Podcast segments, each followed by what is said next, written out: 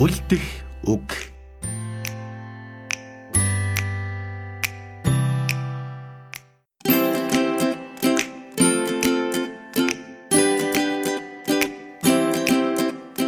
Тагта хэвлэлийн газар цэгийн утга зохиолын цахим хуудаснаас эргэлж байгаа урлаг утга зохиолын тухай ярилцлага подкастт уншигч сонсогч таныг урьж байна.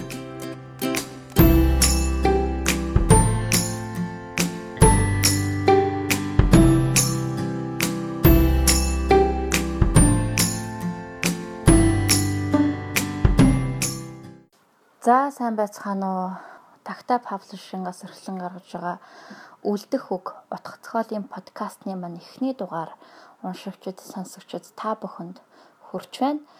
Эхнийхэн дугаараар бид Монгол улсын соёлын гавьяа цэцгэлтэн нэрт орчуулагч Гомсронгойг урьсан байгаа.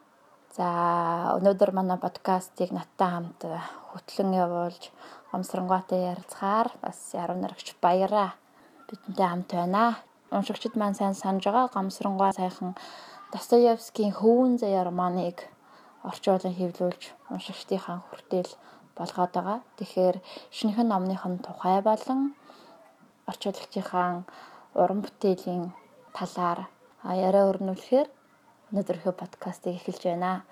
Ингээд бидний ярианд анхаарлаа хандуулна гэж та бүхнээс хүсье.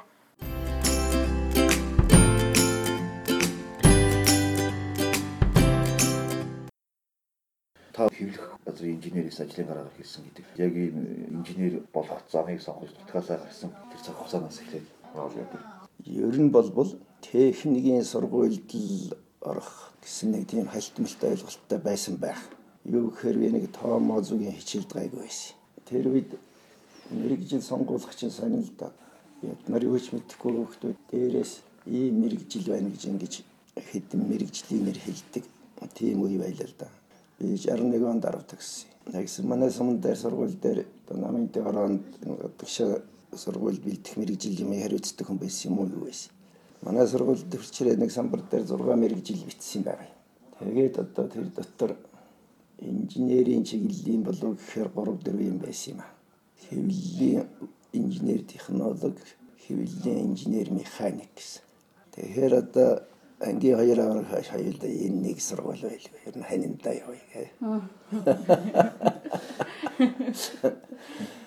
Тэгэл тийм санал өгсөн. Тэгсэн чинь үнэхээр тэрэн дээр бичигдээл. Тэгэл энэ төрч ирэхээр яах вэ? Харьяа байгууллага дээр очдөг шүү дээ. Тэгэд хэвлийн хороо гэж байсан. Тэгэл энэ чинээс нэг нь механик, нэг нь технологич байсан. Авитри хоёулангийн технологич гэчлээ. Тэгэл энэ жамарчтай мэдтгүй. Тэгж мэрэгчлэн сонгосон гэж байгаа юм даа.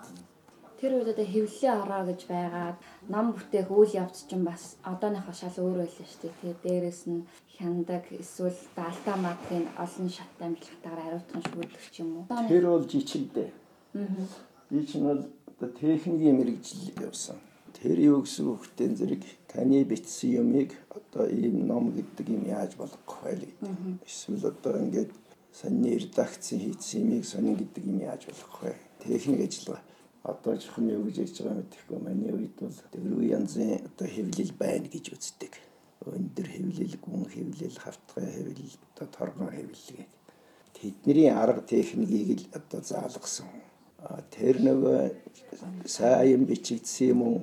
Эсэргүй юм байгаа мó тэр бол мэн тамах. Тэрийг тэр хэвлэлийн газар гэж одоо редакцийг тангадын галсан бол юу гэж баяртай цэц гэж байгаа байхгүй юу л гэдэг юм Тэгэхээр ямар бодлогоор залуучуудын шилгийг тавих уу, ямар бодлогоор орчуулсан үйлийг тавих уу бидний та нар мэднэ шүү дээ, тийм ээ. А та нарын бэлдээд өгсөн юмыг зүгээр ном хөвлийн бүтээгдэхүүн болгох техник технологи ажилласан байна. Би тийм мэрэгчлээ. Тэгээд зүгээр өрсөд ярихад тэр техникийн мэрэгжил маань энэ ном хэвлэл бичигчд боловсруулагчтай бол хүн холбоотой юм шиг юм л да.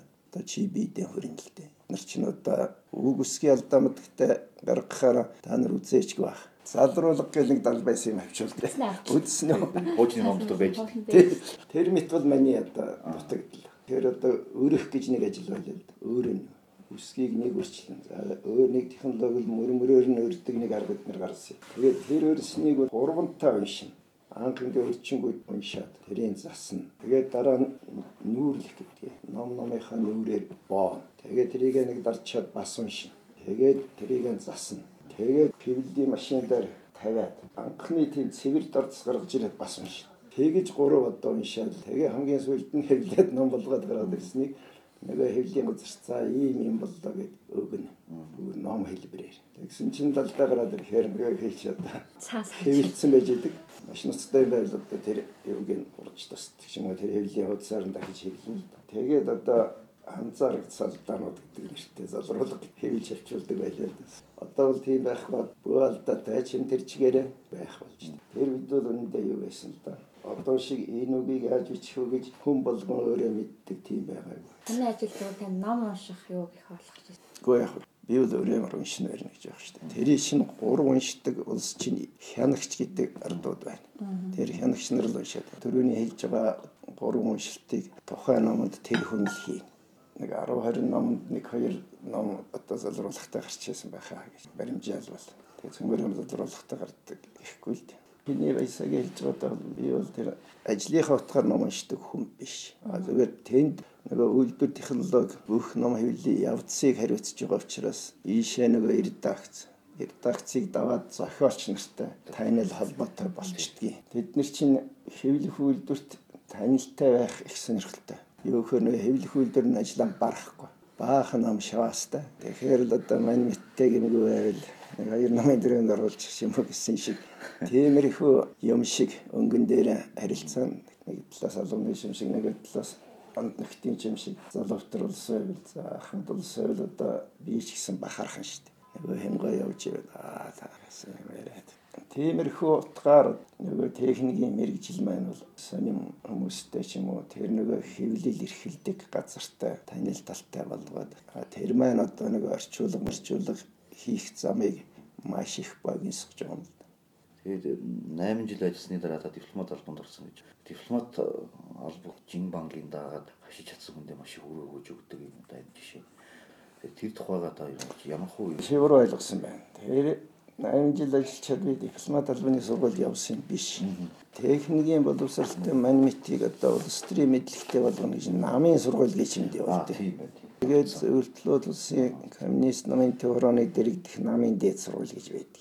Тэрэнд явуулсан. Одоо явуулна гэдэг чинь нөгөө боловсон хүчнийг толгой төрөнд юм хийх бодлогын хүрээнд шүү дээ. Монгол Ардын хувьсгалт намын боловсон хүчний бодлогын хүрээнд. Техникийн скетнүүд буюу технократ гэж тэгцгээд.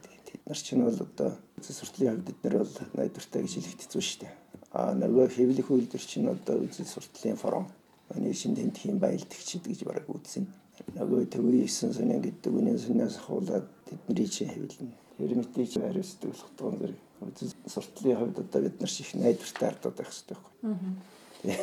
Үлгэрэлж ярил. Тэгэхээр одоо улс төрийн ном үзүүлэх гэж тийш нь явуулсан. Тэгээд тэр улс төрийн номыг үзүүлээд ирсэн чинь сав санаандгүй тэр дипломат албал гэж хэлээд ерөнхий утгаар гадаад яамд томилогдсон юм байна. Дипломат албанд чинь та перестройкагийн үед Москвад байсан гэж байгаа тийм. Ер нь тэгсэн гэж байгаа. Тийм. Танд одоо яг одоо энэ орчуулагч болоход ямар өрөөгөж өгсөн бэ ер нь? Тэр дипломат албал орчуулах хийхэд бол саадуулсан нөхөс тийшээ хөтлсөн юм байхгүй лээ. Би 72 онд анхны орчуулган гаргаж байлаа л да.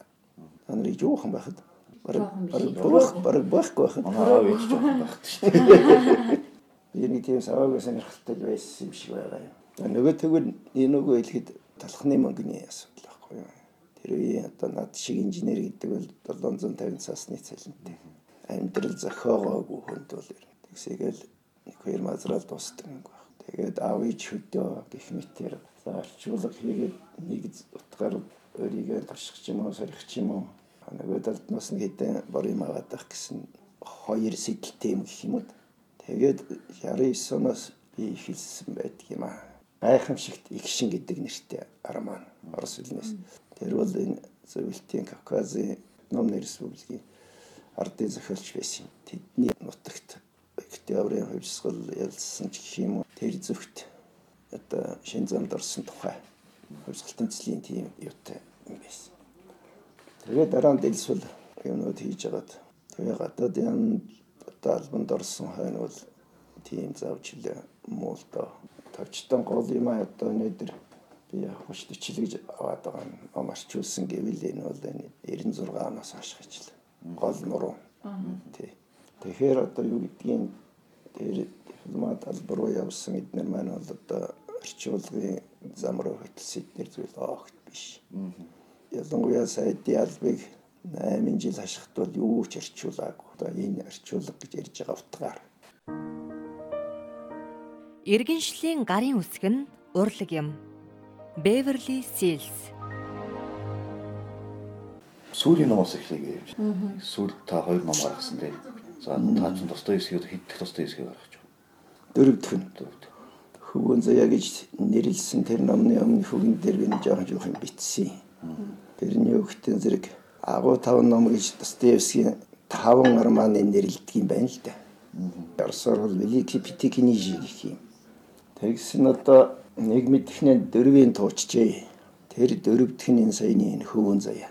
Тэгсэн нөгөө гемзэмэн кармазын хөвүүд нь солиот нь тэгээд энэ нөхөр хүү тэгээд нөгөө манайхан альбангууд гэдэг юм би тэрийг зүгээр орчуулга юм уу гэж юм бэси гэж тэр тавын тэгж нэрлэдэг юм гинэ энэ одоо 19 дугаар зуунд өгсөн цол биш байх энэ 20 дугаар зуунд л одоо зөвлөлтийн зохиол судлаачид хэлсэн байдгийн болбоо да тэгээд тэр хөвөн заяаг орчуулсан Та бол Достоевскийг нэлээд хижээл олж орчууллаа. Тэгээ баг өөрийнх нь бичсэн настай дүүцэх баг.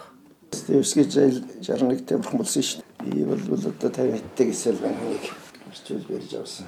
Достоевскийн одоо би яг судалж мохруулсангүй гурван зохиол нь орчуулагдсан гэдэг бай. Надаас өмнө. За хоёр нь бол тод тодорхой. Дорд үзэгдэх бол тодорхой тэрийг бол одоо амар орчуулсан. 80-аад оны их хамгийн анхных нь 50 хэдэн оны мэдээ нэг наваын дүнг орчуулсан юм байна лээ. Тэр нь одоо цагаан шин илүү ядуу хүмүүс нь илүү би тэрийг Цагаан шүн байдгийн явсан жижиг жижиг юм санахгүй орчуулга. Тийм Жижиг ном байд. Хадаа австаа Хатуу цагаан. цагаан авчихсан. тийм үү. Тэгэхээр тэр наваын дүнг байх 50 хэдэн оны гэж тэр нь тэгэхээр тэр гур орчуулсан байж. А энэ саяны энэ агуу тав ном гэдэг шүү дээ. Агуу тав номын энэ миний орчуулсан дөрв бол нөгөө бид нар чинь шашингүй сурталтай учраас манайд орчуулагдах учиргүй. А энд бол шашныг их тойлог тавьсан л гэж үздэг юм би. Юу гэхээр Достоевский бол социалист үзэл санаагаар анх хөөж тагсан шүү дээ. Яг 1840 хэд онд одоо коммунист намын тунхаг гэж Европт гарч Маркс Энгельс Тэгээд нөгөө Оросын скетнүүд тийш нь одоо энэ коммунист үзэл санаа гэдэг. Тэгээд нууц бэлгэм бэлгэм байгуулагдчих. Бидний одоо хичнээн өгч байсан. Мань хүний тэр Петрашевскийн дугуйлангийнхан баригдаад алах ялзаагдаад тэр хаан засгийнхан ч бас нэр явахантай байж. Алах ялзаачаад цаазын тавзан дээр гаргаж ирж энэ бодох судан жигсааж байгаа бодох гадлаад гэх юм нэг бууга мөрөнтэй авч гэдэг юм уу бууга өргөч гэдэг юм тэгүүлж ийж тэр хүн дахиж ирж одоо хааны зарилгыг яасан. Тэгээ манайхан бол тийм 2 3 зохиолтонч би нэг алуулах гэж явж байгаа хүн ямар үзэл бодолтой байдаг вэ лентийн бичдэг юм. Энэ зэн дээр Скольков ирдэг үлээ. Тэгээ гинзэн бияж би цаадал дээрж байгаа хаан таач. Мөнхтэй ярьж захтай. Тэгээд манайхан чинь 5 жилийн цэвэрлэгний хүчир ажлын ялаваад наашаа Сибирлээ. Тэгээд ном унших хоройтой ганцхан зөвшөөрөгддөг ном нь одоо Библи судар. Тэгээ мань хүний 5 жил дэрэл чивсэн ном нь тэр л дээ. Тэгээд ерөөсөө сүүлдээ энэ хорвоо дэлхий чинь хүний сэтгэлийг авч явдаг юм чинь бурхны сургаал юм байна гэдэг юм уу бурхан юм байна гэдэг юм уу. Тийшээ маш их үнэнч болсон юм шиг харагддаг юм л да. Тэгээ яг тийм үгүй гэдэг дээр бол бас маш том маргаан байдаг. Кармазын хөвгүүдийн хамгийн баг тэр Алиашагийн чинь бол өсвөлдөө энэ ленизмаар явах байсан уу, народных болж одоо хаана алах байсан уу гэнэ. Тийм янз бүрийн судалгаатай үйлдэл байдаг юм билээ л. А зүгээр нэг нөхөр байдгийн манай нутгийн тэр Орос ном их сонирхдаг. Тэгээд тэр намайг 90 хэдэн онд анх ятгаж хийлгсэн зэрэг л да. Мастер Маргарита хийлгсэн. Булгаков. Булгаков. За Булгаков ч яг манай тэдийг тэндээ хариутай байсан чи. Гэтэ тэр бол христийг шүтдэг ч юм уу тэр шишний хүн биш л дээ. А зүгээр ер нь одоо энэ тэр бурхан шажилттай холбоотой тэр ухаан бол ер нь хүний сэтгэлийг нэг яриа зөвлөрүүлдэг одоо жудагтай байхыг заадаг юм бурханы сургаал гэж тэгж үздэг нөхөр. Тэгээ одоо Достоевскийр бол ах хэлтэй л гэж. Тэгээд л гимзимээс ихэлсэн магадгүй юу гэдгийг одоо уншигчийн хувьд бол гимзимийн арай энгийн гэж хэлж байна л да. Тэгээд сүүлдээ тэрийг хийцний дараа энэ кармазын дэнд хөлөг бол бид нар гэж бодож байгаа. Тэгээд нэг мэдсэн хийцэн байсан. Дараа солиот болж ерөн солиорсон байсан. Тэгсэн сүүлд нь аюулсан байтаатай энэ цаана хоёрын үлчээ шүү гэж аваад байсан. Тэгсэн нэг мэдсэн чинь Мадрастын дурдсан байгаа. Одоо тэр альбомгууд альбомгууд нь бол одоо жинхэнэ хамгийн улс төрсөн зохиолно гэж үздэг. Одоо жишээ нь та нэг үг их зохиодог шүү дээ. Битүүр нэг хэдэн жилийн өмнө ярьжсэн тийм. Энэ мигнэх гэж яг ямар үг вэ гэдэг нь. Тааш ичгнээс сайхан асуулт толон дээр байгаагүй. Таны таны авч бодыг би тэгэд уншиж байгаа энэ янз бүрийн шин шин өгтэй таардаг. Шин шин өгтэй таардаг байхгүй юу?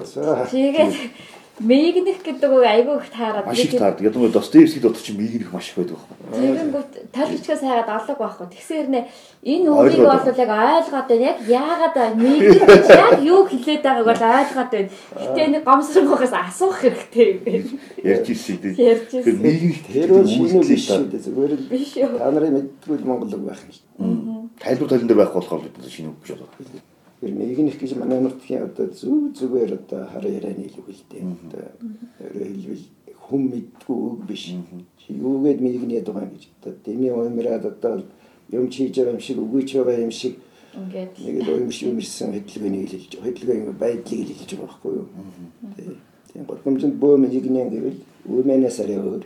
Ерөөсөө холгсон хөдөлсөн одоо юу гэдгийг Тэрмэн дуудуулсан ч байдаг юм уу, тэрмэн бүрийн лээсэн ч юм одоо нэг л жиргэн бол а ер нь бол одоо зах зээлийн газрын юу бол нэгнэ шүү дээ. Тэнд бол одоо цөмөрөн зоригтой харнаа шаргойл шүү дээ тийм ээ. Тиймэрхүү л үг шүү дээ нэгнэ. Тэрийгээр манай нутгийн нөхөр надаас тэгээд чи бодлоо ирж хизээ тийм нэгнэ гэж юм байна. А би бол зүгээр хэн хажууд нь хэлэхэд аль болохоор одоо ижил утгаар гаргачихаар санаа байгаа бол хэрэглээ баг байгаа үгийг төлхөө оруулж одоо нэг эргэлтэнд оруулна гэлээ шиг байлга хийх хичээдэг. Тэр болгон миний үгийн самбал их баян биш л. Тэр мэд чинь одоо тэгээ бид өдөр хэрэгчээд мэгнэх гэдэг үгийг чинь сайн ойлгож авсан биш. Тийм. Бас Скорников сайтруу ойлгож өгч байгаа. Мэддэгдээд байгаа юм шүү дээ. Тийм мэддэгдээд. Тийм тэгэхээр хамгийн үзүүрт ухамсарлагдаад байгаа байхгүй. Тийм. Өөрийн хэл гэдэг чинь тэр л байхгүй. Тийм. Тийм. Тийм ээ. Тийм. Хүний хэл бол шал манай жийсэн гэж байна шүү дээ. Сталины зохиолч нь ойлгохдохгүй ч гэсэн амтагдаад байдгийн гэж. Тэр бол улс төр. А энд бол одоо төрлөх хэлээр хүн чинь тэгэл мэдрэн.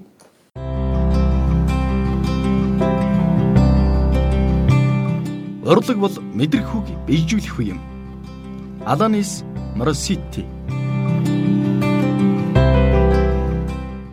Одоо яг юм хийчлээдээ гэж гараа зангидсан ч юм уу дотроо нэг өөртөө нэг омгсон орчуулга эсвэл орчуулгын хэсэг ер нь танд байдгүй. Эсвэл та зүгээр нэгт суудаг юм болохоор л том орсголын нэг хэсэг болоо явчихдаг бүх ажиллаж байна. Би одоо нэг орчуулгаар л их ангирдаг юм. 1978 онд эхэлсэн болов. За тэр үед бол би ажлын зурчлагаар хийхтэй хэм барихтаа барин барихгүй барихгүй тиймэрхүү их удаа Тэр одоо тэр номоо харахнаа 82 онд гарсан байна лээ. Тэр хаан загас гэдэг ном. 82 онд гарсан гэхээр та нараас бараг ах байгаа шүү дээ. Ах. Одоо зөвлөлтийн Астафи гэж зохиолч нь юу юм бэ? Тэр үед нэг байгаль хамгаалах сэдвгээд тэгээ хэрэн зөвлөлтийн гих номыг манай ийм ийм номыг орчуулах нь зүйтэй гэдэг зөвлөмжийг хойноос манай намын төв оронд өгнө. Тэгээд Тэр стафиугаан тэр юу байсан. Жагсаалтанд. Тий. За би бол тэр үед 78 тэгшин гадаад ямд ирдсэн. А хэвлэлийн газрынхантай бол нөгөө хуучин харьцаа маань байгаа. Тийм учраас хөөш хүн ахгүй юм хүн байвал мэдэрэл гэдэг байсан байх. Тэгээд тэрийг нотгс. А тэр бол орчуулах үе нэмбэрх. Мастер Маргарита энэ Достоевский эднэрийг хэцүү гэдгийг энэ бол дэргэд намаагүй хэцүү. Хамаагүй хэцүү нь юу гэхтээ зэрэг манай хүн бол Сибирийн Красноярскийн хүн л дээ. Одоо нутгийнхаа хэлээр л бичиж байна. Нөгөө дөлн данарын хэлдэг шиг нөгөө толон дээр байхгүй. Тэгэл хараханаар одоо нэг тийм юм хэлж байгаа бастай юм гээл одоо. Лөөрийн хэл биш ээ. Хүний хэл. Өний хэл байдаг. Тэ шал өөрөөс тууж юм байгаа шүү дээ. Тийм яг эсрэгээр дээ. Тэгэл ямар ч байсан цаана гарсан юм байлээ. Тэгээд би тэрийг одоо их дайжгүй болсон гэж үздэг юм. Тэрний дайжгүй гэж хэлхийн цаана юу байгаа гэхтэн зэрэг за уг зохиол бол яг байгаль хүн хоёрын харьцааны тухай. Тэгээд хамгийн хэцүү нь тэр элдв үгийг нутгийнхаараа хэлэхээс гадна лавныг хориод загсны нэртэй. Цэцэг өв сургамлынх бол мөнийг тэрнээс дутуу. За шовом бол мөнийг 10 гаруй. Тэд нэр манай тэр үеийн талан дээр ихэнх нь байхгүй. Тэр утгаараа одоо юу гэдгийг нэг л гүгээр түгээр мэрэгчлэлт юмнаас юм хаяаж барьж шиггүй зовсон байх ёстой юм байна. За тэр мэттэй биш ерөнхий нэг найруулга юу гин гайг болсон гэж үздэг юм бэ. Тэр сэтгэл маань идүгэ. Яхан чангарч байгаа. Улам ботсож байна. Тэ. Учир юу гэхтэн зэрэг би бол яг тэр үед 78 оны Арма газет гээд нэг сэтгүүл байлаа шүү дээ. Тэн дээр гарсан тэрнээс нь арчулсан юм. А тэр бол одоо тавчлагдсан гэсэн одоо ойлголт бол байсан. Тэгээ хожим тэр 78 оны сэтгүүлээс хожим 82 онд мань хүний нэг дэргэн бит гарсан тэн дээр гарснаас зүйл нэг бүлэг байж байгаа ш. За гих мэтээр одоо танагдсан зохиол гэдэг.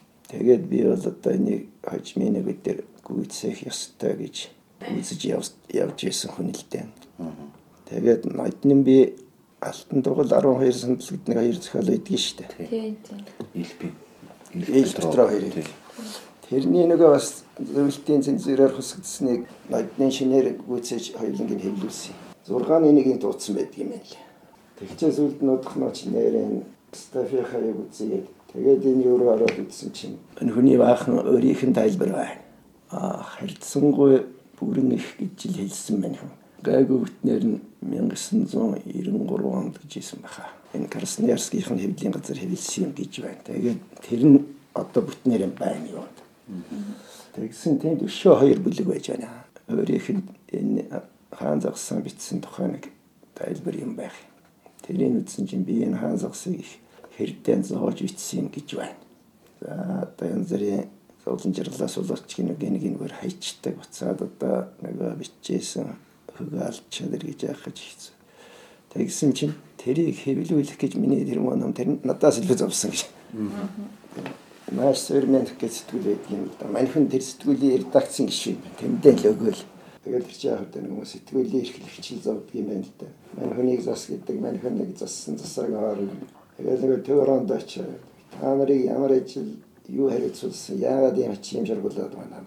Заснаад тэр засуул цаатахаараа гэдэг. Тэгээ манайхан эцсийн бүлэгт бүр аргаан бараад эмнэлэг төвтэй би юм уу. За та нар минь наадхаа яавал яцхад дураараа болог хайсан. Тэгсэн тэгээд хүн тэнхээ аргагүй болоод гараад ирсэн байлээ. Би тийм учраас энэ хаан заас маш дургүй. Тэгсэн чинь харин одоо бас их дөргөнтэй юм болж уншигчд шүү гэж, шүүмжлэгчд шүү гэж тэгж байгаа тэрийг шагнал авсан юм гэж. Хаан загсаараа. Хаан загсаараа. Тэгээс үл дахиж хөвлөхэд одоо бас өөрөө заавал бичихсэн. Өөрийгөө хүчээр хийж нэг уншсан нэр гэдэг.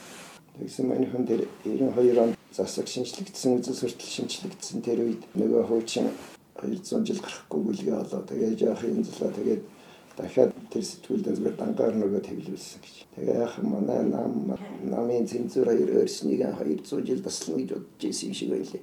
Миний нэг хэд чи 15 жилийн дараа гардаг байгаа гэж. Тэгэж итсэн байна л дээ.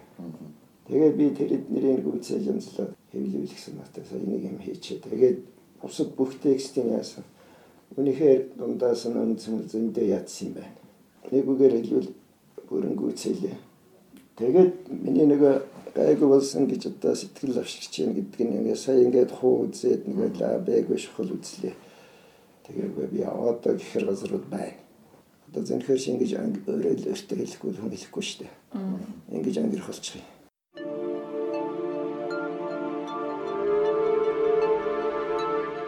Зугаацах гэж, сургамж авах гэж, мундаг болох гэж бүү унш. Амьдрах гэж унш. Густав Флавер 1913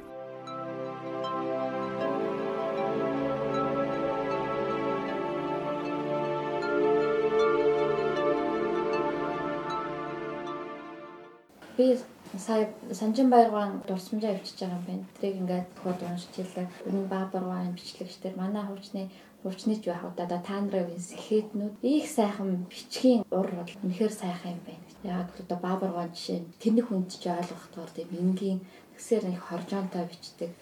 Хин Баяргаа болохоор маш богинохон богинохон өгүүлбэрээр ингээд санаагаа их гоё тод тод зурж бичдэг юм байна.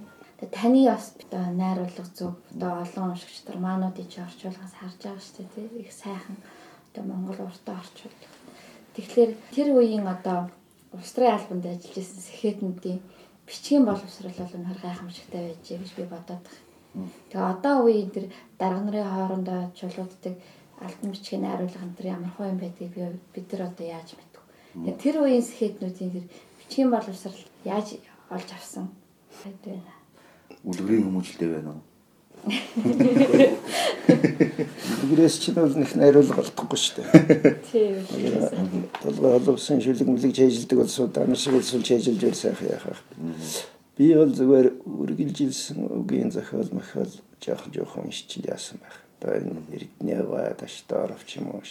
Би өөрийг нэг мундаг найруулдаг хүн гэж үзэхгүй. Миний орчуулгын муу тал гэж хэлэх байх би үг үсгэнд их баригддаг итгээд байна.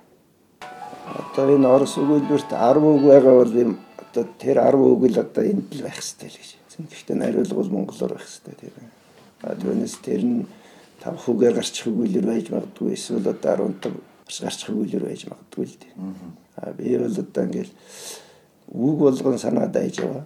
Тийм учраас юм хайж болохгүй. Ерөнхийдөө нэг ингэж байна. Тэгээд монголоор сайхан найруулга биччихье гэж тэгдэг байна. А тийм хүн чинь нөхөр Достоевский одоо тал хуудас өгүүлэр бичсэн байвал би тэрийг монголоор тал хуудас бичнэ. Яагаад гэж байгаа гэхдээ тэр манай монгол хэл өөр дутхгүй танай тэр арс хэлнээс. Урт бичвэл урт бичнэ гэж. Аа эрен чунгай чинь бол хуудас дамнуулаа биччих шүү дээ. Тийм ээ. Өдөр чи хоцроор явж нэг өгүүлбэрч. Тийм. Гэх мэтэр тэр бол манай хуучны найруулга тийм. Яг тэрний муу тал нь гэдэг зэрэг туршлагагүй шигч бол нөгөө өгүүлбэрийнхээ эхэнд явсан санаг гээж хээ тэгээ хаашаа явуул одоо манай зарим цэг төсөлгөө ярьдаг улс тэгж байгаа шүү. Тэгэхээр тэрийг бол би өөрийнхөө хэрэг дээр нь жоохон дутагдл гэж үздэг юм аа. Уул нь бол тастаа тастаа бид нэр явчихвал тэгээ энэ баяр витер сая тэр юу хийсэн л да өлтөй байшин гэдэг нэг юм иргэдэд ба шүү дээ. Тэгээ баяр редакторс. Тэгээ маань хөвөө та нэг өгүүлбэрийн тасалж барьяач. Гэхдээ юу гэж байгаа нь телефон авчин гэж бичээд байгаа. Ер нь таны одоо барьдаг ном гэвэл ширээний ном гэх юм. Ширээний ном байхгүй. Хэдэн талиан ширээний ном гэж. Үг түүж илтвэм яасан нь бол би л дээ. Үрийдээ яг тэг дунд нь хүртэл үг түүж байлаа. Тэрийг мартчихсан л да. Ам байна нэгэд хийгээ эргүүлвэл. Самбууганд орсон ч байдаг шүү дээ. Жээ самбууг жийсэн. Тэнд сайхан өгнөд. Тэрийг түүж байлаа гэх жишээтэй. Дашнамгаа гэж энэ хэвлэлт нэг одоо нэг сайхан найруулгатай хүн байсан. Аа дашна. Аа дашна гэж яг энэ эцсийн наран гэвч тэрийг харин сая дахиж хийлсэн байх л таа. Тийм. Та нар үзсэн үү? Үзсэн. Хууч наранч байх. Тэр дашнаг байл да. Тэр тэр хэвлэлийн газар ажилтгийг. Ерөнхийдөө тентхийнхээ хянагч. Гэхдээ манай үйлдвэр хэвлэлийн газар хоёрын хооронд явж байдаг тийм юм байна. Тэр бол жинхэнэ нэг хууч юугаар хүмүүжсэн одоо тэр элзэн нэрэн гэрчлэлтэй байгаа байх. Гэх мэт болсон. Тэнд бол хичнээн үгүй. А товчтон бол одоо орчуулагч нар болбол үгийн сангаанд байр байж үлж явах хэрэгтэй. Байр байж үлж явах хэрэгтэй. Одоо жишээлбэл тэр 12 сандал дээр байдгийг авсны даамжаа гэдэг нөхрийн тухай байдаг юм л да. Авс хийдэг. Тэгээд тэр нөхөр бол нэг хүний өхлийг хүмүүсийн одоо нэгэн давхархтай холбогдол янз янзаар нэрлдэг тухай нэг 5 6 юм хэлсэн байдаг. Үххийг. Тэгээ би тэр үххийг орсоор олон байдгийн бол гээд монголоор юу гэдэг ингээд зүгээр нэг зэрэгцүүлээд үзсэн. Тэнд бол 5 6 юм байдаг. Тэгээ би орсыг дүүсэн. Одоо надад олдсноор 20 гараа явж байгаа. Монгол над болсноор 30 гараа явж байгаа. Өөхөх мажих тийм ээ. Тэгэхээр одоо та нар ч их сүчнэл юм ороод байна юм. Тэгээ жишээлбэл гэж байгаа байхгүй. Оо манимет бол мажид юм гэж. Харвал мо хараар ажиллана. А тэр юм гол одоо тэнгэр талын шүү дээ.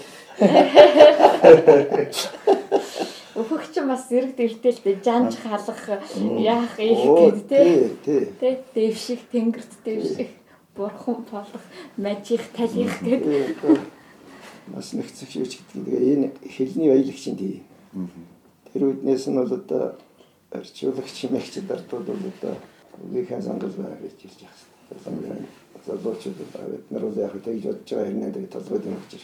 Та Кармазовын хөвгүүд намайг 6 сарын хугацаанд орчуулсан гэж санаанд ярьсанаас ер нь таны ажлын дэглэмийн тухай асуувал Ажлын дэглэм бол одоо тийм ихээхэн мойхор нөхөр байл гэж үзэхээр.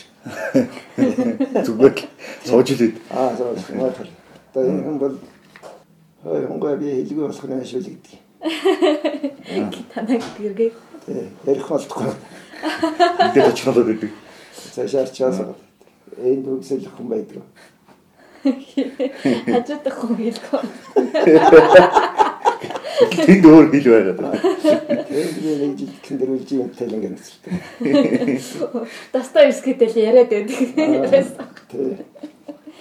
Нэгүгээр хэлвэл би ингээд одоо ярин жаахан юу гэдэг юм бэ?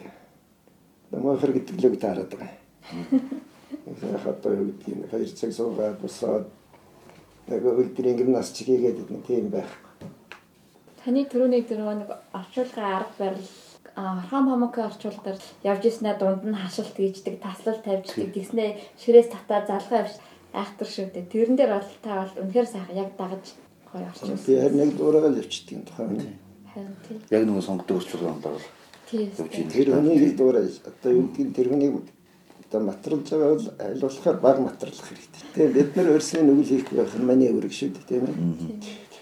Тэгээ би бол тэр төрөний миний дутагдал гэдэг юм тэр нэг захиалч аяыг л байж алтан дээсэн бол алтан. Тэр хаягаар аргаан барвал одоо нэг нэг өгүүлэлт багтаж чадахгүй бол хаалтанд юм хийчих тохиолдол байна. Гэхдээ л одоо их зохиолд бол маш хүндэлтэй хандах хэрэгтэй. А Достоевский юмуд бол нэг яарч бичсэн учраас найруулгад нэрийн одоо дутагдал гэж ярил л том ярих бишгүй л дээ. Тэгээ яар бид нар чинь засварчд биш шүү дээ. Арчуулагч. Жишээлбэл одоо ингээл нэг өгүүлбэр чинь одоо гент гент гэсэн чинь л одоо тэр таваараа байж байгаа жишээ. Тийм. Тэгэхээр тэр чинь би одоо өдрөлдөө нэг хоёрын хас чинь нэг ихтэй л нэг манихны одоо ингээд сэтгэл мэдлэл битж байгаа шүү дээ. Тэр мэт нь алга болно. А тэгээ хүн одоо уншигч намайг юу гэж үзэх вэ? Энэ гамсран дөрагчдаг.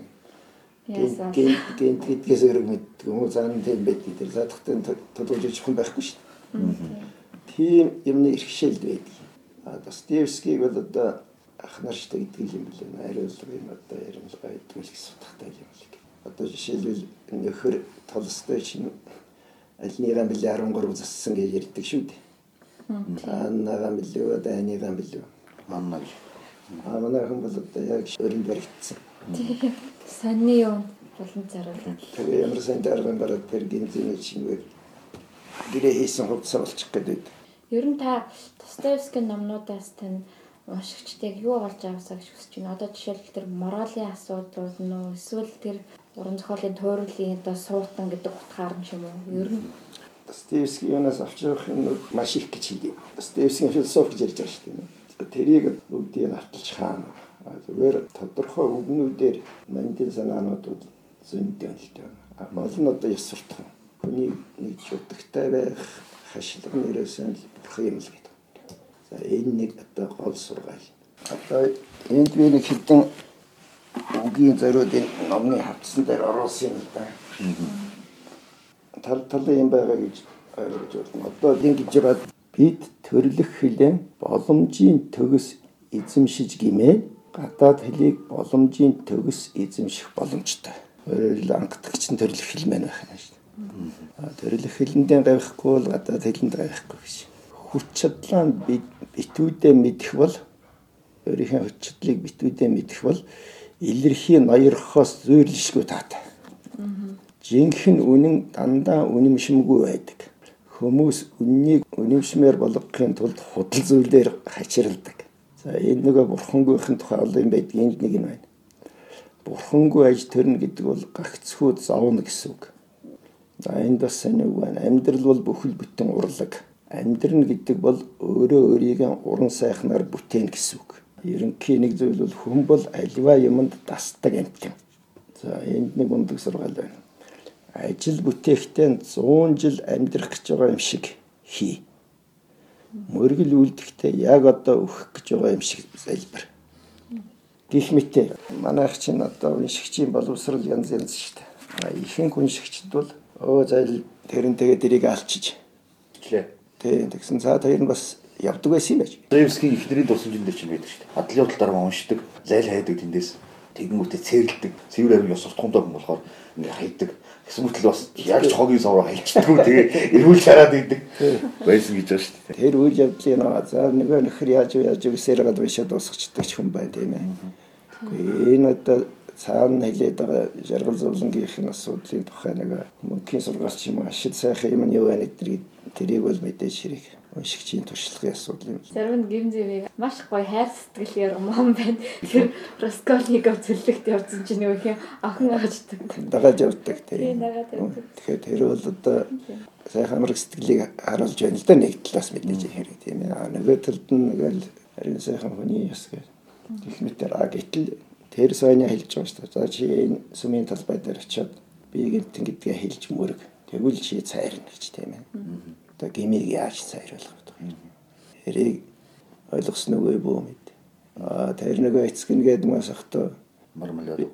Тэ би өвнөж яваад очирсан мас илчим гэнээр хитчихад гэдэг байна шүү дээ. Тэгээд нар нөгөө тхиэм нь очихтал одоо бүгд сайн муу юм ялгаж байгэнтэй. Бурхны өмнө ч харлал гэж байна. Аа.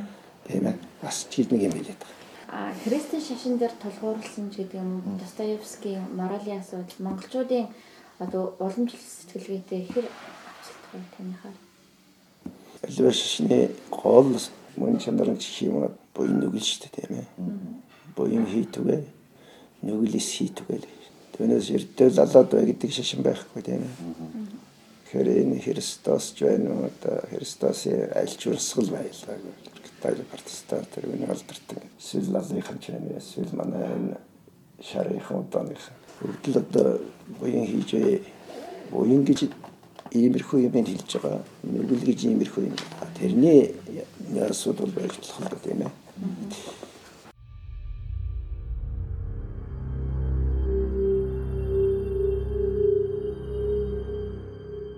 Би эцэст нь өөрийн шашнаа олсон билээ. Ном миний шашин, номын сан миний сүм хийд болсон. Жан Пол Сартр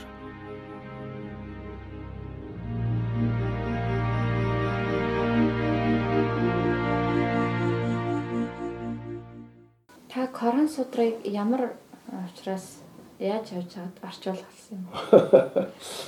Кораныг орчуулсан нь бол сайн л да. Энэ Монголын мусульманы нийгэмлэг гэж байгаа шүү дээ. Тэрний дарагчин дээр манай дипломат сайрын байх. Аа.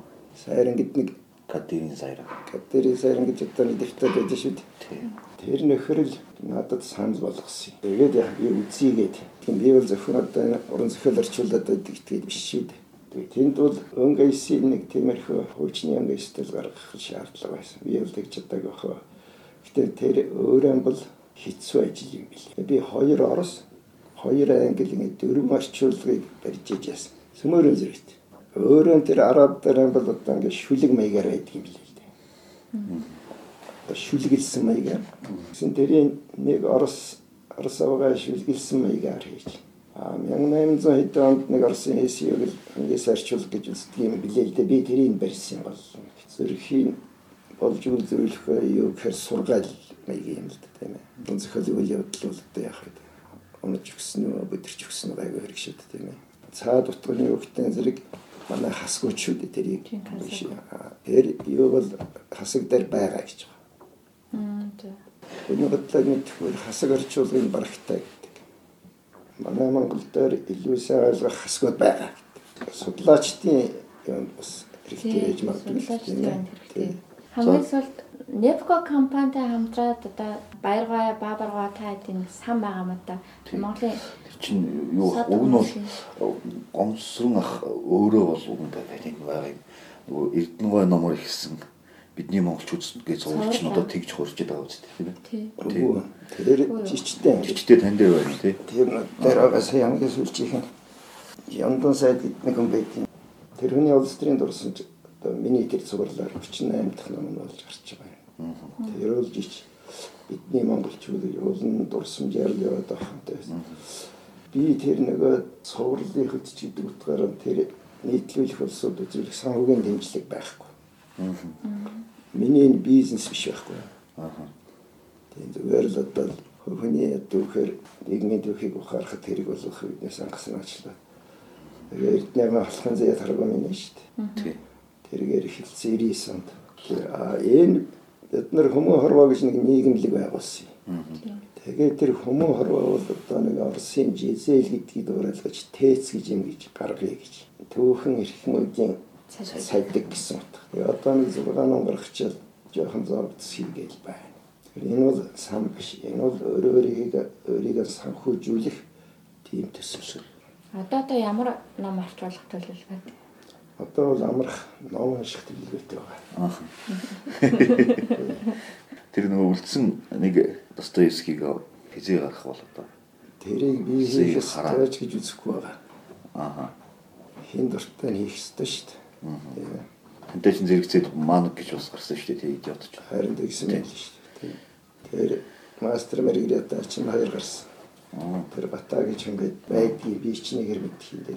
Миний үе юм уу надаас бараг ах ах шхуу хүн байгаа. Одоо туршлагатай орчих. Гэх мэтэй тэр дээ. Тийм зэнийг орчуулсныхаа дараа нэг эрсдэлхэн дээр тэгж суурсан байна лээ одоо харах нь. Танд мөрөөдөл байна гэсэн чи одоо гармазын хувьд гэдэг юм байдгийн тгийг орчуул. Тийм л мөрөөдөл байна гэж суурсан байсан байна лээ. Мөрөдлөө биелсэн дээ шүү дээ. Тэгээд нэг мөрөөдөл биелдэг гэж одоо Суурхал бодит болсон байна. номлол байгаа шүү дээ. Одоо манай уран зохиол ер нь цаг үе болгонд Достоевский жишээ нэг асуудал шийдсэн байгаа шүү дээ. Хамжилгаа чөлөөсний дараах тэр бүдүүлэг орсон ёс зүйн асуудал ч юм уу жишээ тий. Тэр үеийн зохиолч чинь бүгд тэр асуудал чиглүүлж нэг нэг юм бичсэн байдаг. Жишээ нь тэр энэ дорын цэцэрлэг гээд Чехов байна шүү дээ тий. Тэр бол тэрний тухай зүйл шүү дээ. Гэх мэтэр. Тэгэхээр чинь тийм асуудал байна. Тухайн цаг үед нь асуудал байна. Өнөөдөр манай үндэсний уран зохиол тэг шийдэх хэвээр уран зохиолын арга замаар шийдэх хэвээр асуудал байна уу? Тэрийг би яаж мэдэх. Тэрийг та нар мэдэх хэрэг. Ер нь ерөнхий утгаар бол одоо нэм чухал зорилт гэж би хэлнэ. Энүүхэн өнгөрсөн юу социалист үеийг үнэхээр наантай цаантайгаар нь одоо харуулах хэрэгтэй. Өөрөөр хэлбэл тэр үед амьдэрсэн би уншаад тэргээр хийсэн киног би үзээд кинерэн тэнтэй гэж. Тэр үед амьдраагүй одоо сүүлийн 25 жилийн та нар гэх юм гасл тэгтлэнч Монголс ид биш юм байна. Тэгтлэнч одоо нөгөө буруу замаар бодоод тэгж буцахтаа шараа тэгж ажиллаж биш юм байна. Гэхдээ энэ одоо бид нар чинь нэр өгдөх мэ. Цаад цаад маань юу лээ энэ хэсэг чи юу лээ гэж ингэж ухаарлыг өгөх тэгж нэг мэдрэх үйц. Одоо юу гэдэг юм бэ ангич үзлийн үднэс бичсэн болохоос биш. Тунгалаг тамир маань бол тэр хөвчи явдал тэгээд бас тэр солигдох юм бол нэлээл гайгүй харуулсан эдшүүдээ. Гэтэ нэг ангич үзэл гэдэг чинь зөвлөгтүүлээд байчаад. Байсны тал бол одоо байдгүй манай тал бол одоо дэжгүй гэсэн тийм юмар илүү жингийнхэн тавгнуудыг ингээд яач. Тийм одоо тэгээ сонгодог зохиол гэж 100 насчаар одоо тийм юм л одоо гаргаад тэрийг амихээр одоо дээр дургу уншаад харуулахаар тийм өндөр зохиолч байна одоо та нар юм уу? Та нарын дүүнэр юм уу? Ах нар ч нэг юм одоо би мэдэхгүй байна.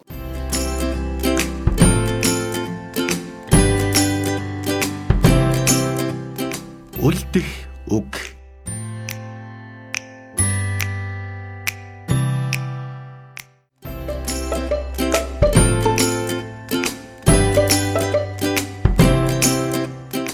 Тагтаа хэвлэлийн газар. Тулгатай уншигчдийн цугларах оюуны кафе.